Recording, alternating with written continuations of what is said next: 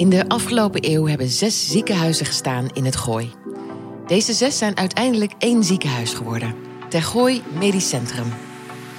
Hoe is de geschiedenis van deze ziekenhuizen verlopen? En wat konden we de afgelopen eeuw verwachten van de medische zorg? In deze aflevering gaat het over het Diakonessenhuis in Naarden... dat in 1940 haar deuren opende. Het is het jaar van de zesde Elfstedentocht. Wanneer het daglicht komt, hebben de eerste wedstrijdrijders de grote meren al achter de rug. Doorgaans het beste stuk. Nog niet moe, daglicht en een achterlijke wind. Het officiële debuut van tekenfilmfiguur Bugs Bunny. What's up, Doc? There's a rabbit down there, and I'm trying to catch him. En natuurlijk het jaar waarin Nederland werd bezet door de Duitsers. Al heeft ook de vijand bezet, Nederland zal den strijd volhouden. Paul Kingma en Paul de Miliano zijn gepensioneerde artsen. Met de bouw van het nieuwe ziekenhuis in Hilversum vonden zij het belangrijk dat de geschiedenis niet wordt vergeten. Ze hebben beide een lange staat van dienst als arts in Tegooi MC. Ik ben Paul Kingma. Ik ben in 2002 in Gooi Noord begonnen als eh, internist MDL-arts. Eigenlijk alleen bezig gehouden met de maagdarmleverziekte met MDL. Mijn naam is Paul de Miliano, cardioloog in Tergooi van 1992 tot en met 2021. Wij zijn de makers van deze podcast.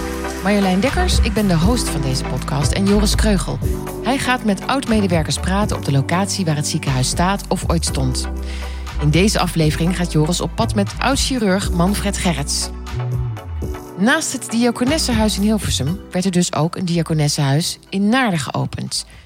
Ja, de diaconie, de diakonessenarbeid is een stroming die dus door dominee Vlietner in het midden van de 19e eeuw gestart is. En dat heeft geleid tot diakonessenarbeid in de vorm van wijkverpleging. En uiteindelijk ook tot diakonessenhuizen in de vorm van ziekenhuizen. En ook hier in het Gooi bestond eerst diakonessenarbeid in de vorm van wijkverpleging. In 1940 is er een echt ziekenhuis geopend na tien jaar voorwerk. En dat was het Diakonessenhuis Naarden. En het was inmiddels in Nederland het tiende Diakonessenhuis. Het katholieke Majella ziekenhuis had in die tijd voor de helft protestantse patiënten. En naast het Diakonessenhuis in Hilversum werd in het noorden van het Gooi de behoefte gevoeld voor een ziekenhuis voor eigen gezinten. In een katholiek ziekenhuis. Gingen zelfs soms giften van die protestanten naar de inventaris van dat katholieke ziekenhuis. Want het heeft even geduurd voordat Diakonessenhuis naar de open ging. Enerzijds omdat er overlegd moet worden met allerlei protestantse stromingen. En anderzijds ook omdat het nogal wat geduurd heeft voordat er een geschikte locatie, een geschikt perceel beschikbaar kwam. Najaar 1940 ging het Diakonessenhuis in Naarden open. Ze hadden wel al een kleine voorloper hè, in Bussum aan de Graaf Wigmanlaan. Ja. Daar was een protestante instelling van waaruit gewerkt werd, maar nog niet onder de naam Diakonessenhuis. De diakonessen waren zeer toegewijd aan hun werk. De verpleegkundigen woonden en werkten op dezelfde plek. Door de kleinschaligheid was er veel gezelligheid en saamhorigheid in het ziekenhuis. Er werden vaak feesten georganiseerd. Toewijding zat er onder andere in dat het onbetaalde arbeid was. Maar daar stond dus een, een soort levenslange garantie tegenover vanuit het eh, bestuur van het ziekenhuis. Het Diakonessenhuis in Naarden ging daar wat minder ver in dan het Diakonessenhuis in Hilversum. Het garanderen van natje en je droogje na je pensionering. Dat was in Hilversum beter geregeld, strakker geregeld dan in Naarden. Als je praat met collega's die in de voormalige kleinere ziekenhuizen hebben gewerkt, dan hoor je dat telkens terug dat die kleinschaligheid, de onderlinge bekendheid enorm gewaardeerd is door iedereen. Dat is ook het probleem geweest met volgens het fuseren, waarvan de oorsprong vaak niet bij de verpleging, bij de dokterslag, maar meer bij het bestuur. Die zagen dat de mogelijkheden voor ziekenhuizen in de loop van de jaren te klein werden in verhouding tot de medische ontwikkelingen die er waren. Ik denk dat ook het geloof een bijdrage leverde aan die samenhorigheid hoor. Want in het diakonessenhuis in Naarden was het zo dat tot in de jaren 60, dat vind je dan terug in bestuursnotulen, maar dat de geestelijk verzorger meldt dat er iedere dag wordt gestart met een bijeenkomst in de kapel en na het zingen van het loflied, het luisteren naar het schriftwoord en de korte meditatie daarover, dan vragen we samen aan God om onder zijn leiding de dag door te brengen die voor ons ligt. Iemand die jarenlang in het Diakonessenziekenhuis heeft gewerkt, is voormalig chirurg Manfred Gerrits. Joris Kreugel zocht hem op op de plek waar het gebouw heeft gestaan of staat. Is er nog iets van die statige villa over, Joris? Het gebouw dat staat er helemaal niet meer. Want uh, ik wandel er wel naartoe, naar de plek waar het ooit heeft gestaan. Samen met Manfred Gerts. En hij was uh, lange tijd hier uh, chirurg, hè? Ja, chirurg in het Diakonessenhuis. Hoe lang geleden is dat? 82 tot 90. Daarna gingen we naar het nieuwe streekziekenhuis Gooi-Noord. Toen werden drie ziekenhuizen bij elkaar gevoegd. Meerla in Bussen, Diakonessenhuis in Naarden en Sint-Jan in Laren. En dat ging dus op één dag gingen die drie ziekenhuizen naar de nieuwe locatie in Blarikum. Was dat een verdrietige toestand? Deels wel, want er was in het ziekenhuis, het Diakonessenhuis, was er een zeer goede sfeer. Wat was het verschil tussen al die ziekenhuizen? Ja, dat kwam dus toch voort uit, uh, ik zou zeggen, uit de verzuiling. De sfeer was dus, het, uh, Mayella was een katholiek ziekenhuis. En daar heerste wat meer de Bourgondische stijl. Terwijl hier in... Als een wijntje gedronken en dan gewoon ja, en, een vloekje gedaan. Precies, en dan, uh... Terwijl hier in het Diakonessenhuis, ja. dat was dus speciaal ook opgericht als tegenpool tegen het katholieke Wussum door de verschillende protestantse stromingen hier in het Gooi. En dat was voornamelijk uh, Naarden, was driekwart protestants. Huizen was eigenlijk volledig protestants. Die hebben dus erg aangedrongen om hier dat ziekenhuis te bouwen. Dat zat dus een heel veel soberder karakter was er hier in het uh, Diakonessenhuis. We moesten heel zuinig met geld omgaan. Daar is niks mis mee? Daar is op zich niks mis mee. Was je dan soms wel jaloers dat je dan niet in het Mayella zat? Waren wat meer... Uh... Nee, nee, want ik werkte ook voor 10% in het Mayella ziekenhuis. Okay. Dus ik kon het eigenlijk goed vergelijken. Een klein beetje van genieten nog. ik kon daar ook van genieten. Ja. En langs de andere kant, hier was wel een knusse, gezellige sfeer. Maar zat er ook een verschil in mentaliteit als het gaat om werken? Ja, maar ik heb daar geen verschil in gemerkt op zich. En wij moesten met de middelen die we hadden langer doen. We waren heel blij dat we in 1990 konden verhuizen. Want het was dringend nodig aan, uh, door de spullen die er nog aanwezig waren hier in het ziekenhuis. We zijn in Naarden. Rechts hebben we de sporthal, de hockeyvelden, de voetbalclub NVC. En aan de overkant van de weg, zullen we er even heen lopen? Ja, ja. Het is een vrij drukke weg. Kunnen we? Ja. Polykliniek. Nee, nee, dat, nee, nee. Wat is dit?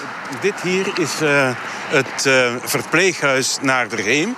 Ja. Dat was er al. Links was het diakonessenhuis. Alleen die vleugel van het naar de Reem is iets door met de jaren vergroot naar links. Maar hier waren dus, waar we, hier de parkeerplaats is voor het uh, verpleeghuis.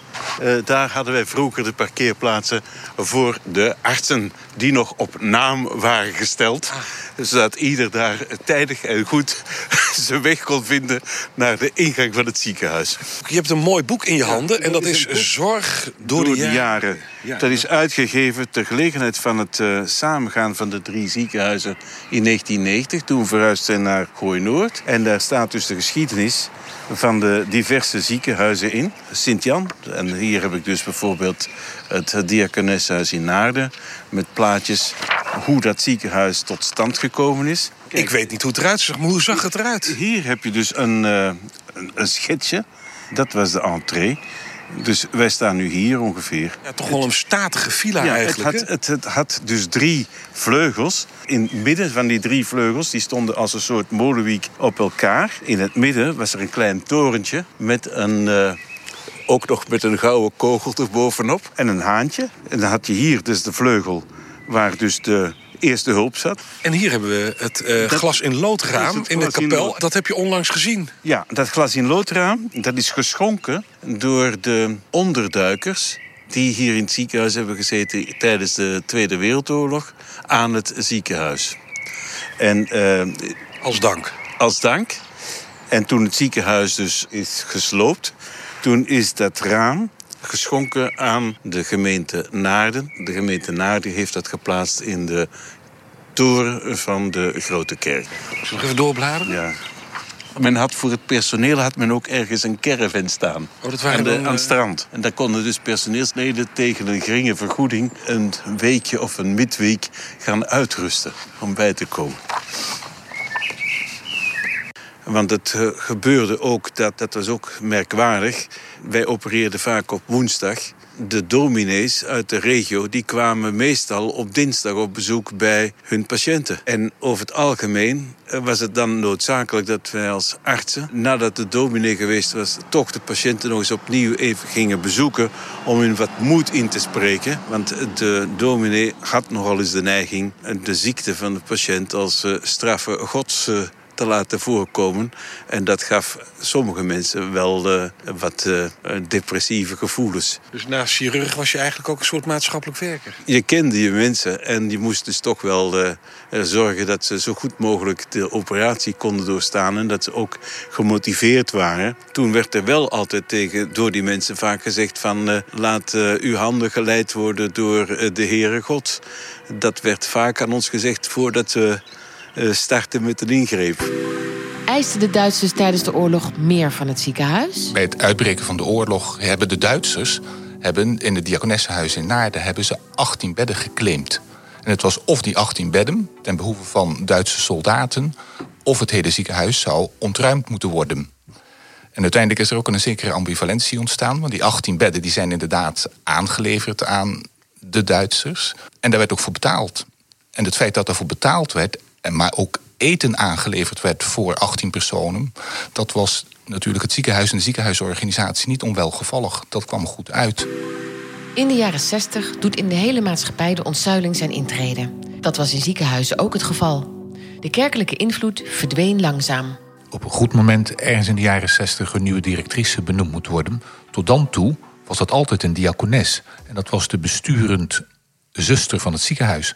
En dat is ook wel degene die die zwaaide in het ziekenhuis. Ze kunnen dan geen diakones meer vinden die besturend zuster zou kunnen zijn. En dan wordt er een sociaal werkster aangenomen. Maar dan is het toch nog wel, het, het schuurt wel hoor. Want je hebt in Nederland heb je de, de bond van directrices van diakonessenhuizen. En Naarden is een diakonessenhuis. Die sociaal werkster die mag geen lid worden van de bond van directrices van diakonessenhuizen omdat ze geen diakones is. De nieuwe directeur van het diakonessenhuis, oud-huisarts Dr. Evenhuis... stelt bij het 25-jarig bestaan dat het diakonessenhuis tekort is geschoten. Het ziekenhuis is op dat moment te klein. Uitbreiden is moeilijk. En die nieuwe directeur, Dr. Evenhuis, wordt ook wel de bouwdirecteur genoemd. En zoekt naar allerlei mogelijkheden om toch meer te bouwen op dat terrein. En bij het 25 jaar bestaan ze dan zijn ze nog steeds op zoek naar bouwmogelijkheden. Vraagt hij zich bijna vertwijfeld af. En nou citeer ik. De directeur zegt. Van waar deze statische, soms bijna wankelmoedige houding. die men in het protestantisme nogal eens aantreft. En dat zegt hij naar aanleiding van het feit dat met name in die naoorlogsjaren. ontzettend veel gebouwd is in Nederland. dat dat diakonessenhuis jarenlang niet heeft gebouwd. En daar plukken ze in, die, in de jaren 60 dan toch nog steeds een beetje de bittere vruchten van. Het gaat goed met Nederland en met de ziekenhuizen. Er kwamen meer specialisaties binnen specialisme en er kwamen meer behandelmogelijkheden. De toegenomen mogelijkheden van behandeling waren in de jaren 60 één van de redenen dat ziekenhuizen met elkaar gingen samenwerken. Minstens even belangrijk was het feit dat voorgaande decennia het aantal ziekenhuizen, dus ook het aantal ziekenhuisbedden, explosief gegroeid was. Vanuit Den Haag werd steeds meer druk uitgeoefend op de Nederlandse ziekenhuizen om te fuseren. En die fusies gingen altijd gepaard met een reductie van het aantal bedden. Dat was noodzakelijk om de kosten van de ziekenhuiszorg te beheersen. Al vanaf eind jaren 60 gaan we al praten in de noordelijke regio over één ziekenhuis voor de noordelijke regio. Ja, en dat gebeurt dan onder de paraplu van de SSGZ, Stichting Samenwerkende Gooise Ziekenhuizen.